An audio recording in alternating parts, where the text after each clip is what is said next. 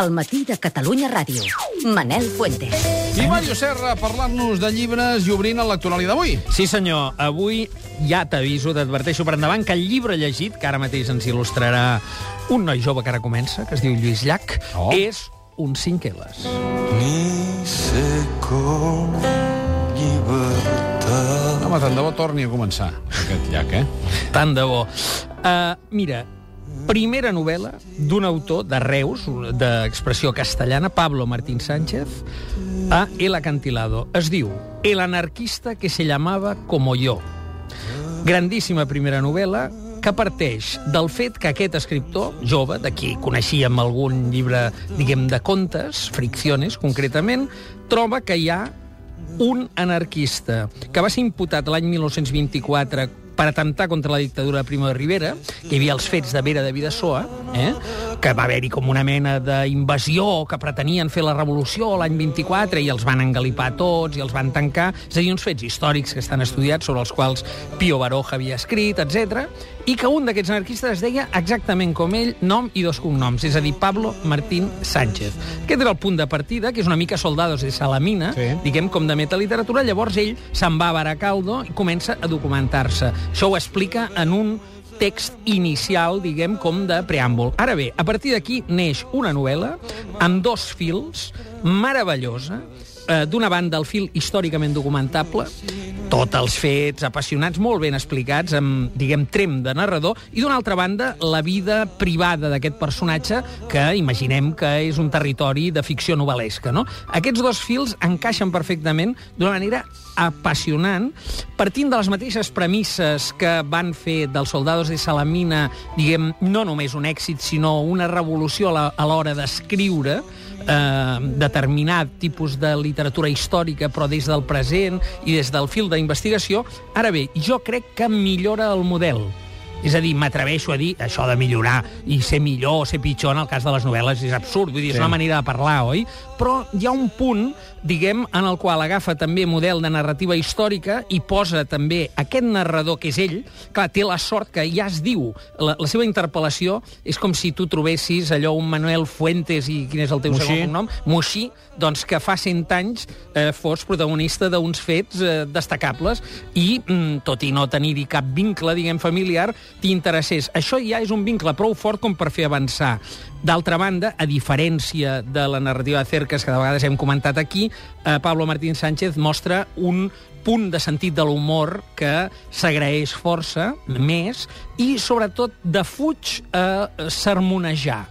Tot i que aquí veiem l'exili d'intel·lectuals com Unamuno o Blasco Ibáñez a París, resseguim el periple mental i sentimental d'aquest Pablo Martín Sánchez històric i que ens trobem, doncs, la Setmana Tràgica, ens trobem, doncs, ambients també del, del naixement de l'anarquisme a l'Argentina. És a dir, hi ha tot un seguit d'elements històrics que podrien ser farragosos en mans d'un autor maldestre que fos apassionat d'un període i d'un tema com l'anarquisme i que, en canvi, aquí és un narrador de raça, un grandíssim descobriment, eh, és un narrador molt jove, que tot just havia començat eh, la seva carrera i que ara ens sorprèn amb una novel·la de gran pes, de, de 600 pàgines, eh, amb l'alè dels grans eh, narradors, amb un relat que ens estira per allò que ens explica, però també per l'estil, per com ens ho explica.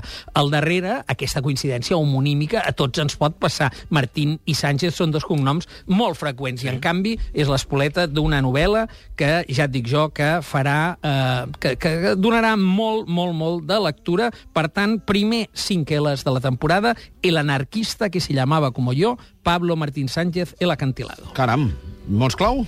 Revolució, perquè d'això tracta, però també cinema. Aquí surt els primers moments dels germans Lumière, històricament, la fascinació pel cinema, però també impremta, perquè aquest anarquista és un linotipista que va fent fulletons, però també anarquisme, i, com a autor i referent, Javier Cercas. Un gat groc de Quimi Portet ens il·lustra el rellegit. Sí, senyor, ens il·lustra el gat groc, ens il·lustra el gos groc eh, de Simenon.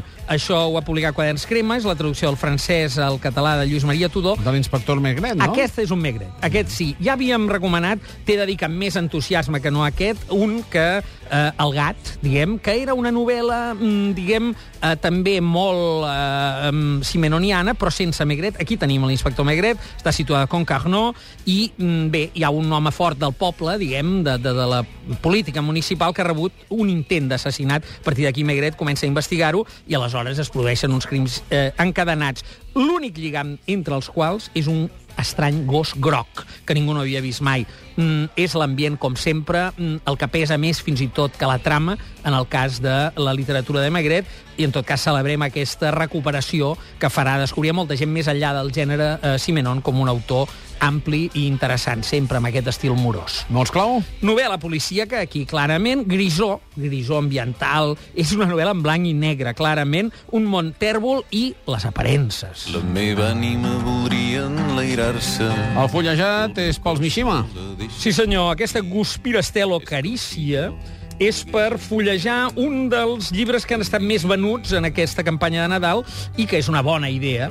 Any d'estelades és un recull de vinyetes eh, fet per als ninotaires, diguem, eh, eh, de, diguem en Fondevila, Ferreres, Ferran Martín al Cap, el Napi Fer, Ferrugó i Domènech, Toni Batllori, eh, editat per l'editorial F2, que eh, és una editorial especialitzada en llibres il·lustrats. I, home, és el típic llibre de vinyetes que et fa una mica de resum de l'any. Són vinyetes originals fetes per aquest llibre, no és un recull. Tenim, doncs, tots els fets que pots Oh, trobar. algunes les hem vist publicades ja, eh? És probable... Sí, sí, no, no, les de Batllori són totes publicades. Ferreres també, eh? I és probable, és probable Sí. que els, els number ones Sí. eh, hagin cedit material, això ho desconec, perquè no hi ha, diguem, més que una introducció eh, típica. El, el que ho ha fet, aquí veiem Oriol Pujol i Artur Mas, que feia una estona seia aquí, Sí. amb una vinyeta que diu independència amb una banda, paciència cap a l'altra. En fi, Mhm. són cruïlles. Eh, un llibre de vinyetes, un llibre d'il·lustradors, coordinat pel CAP, eh, any d'estelades,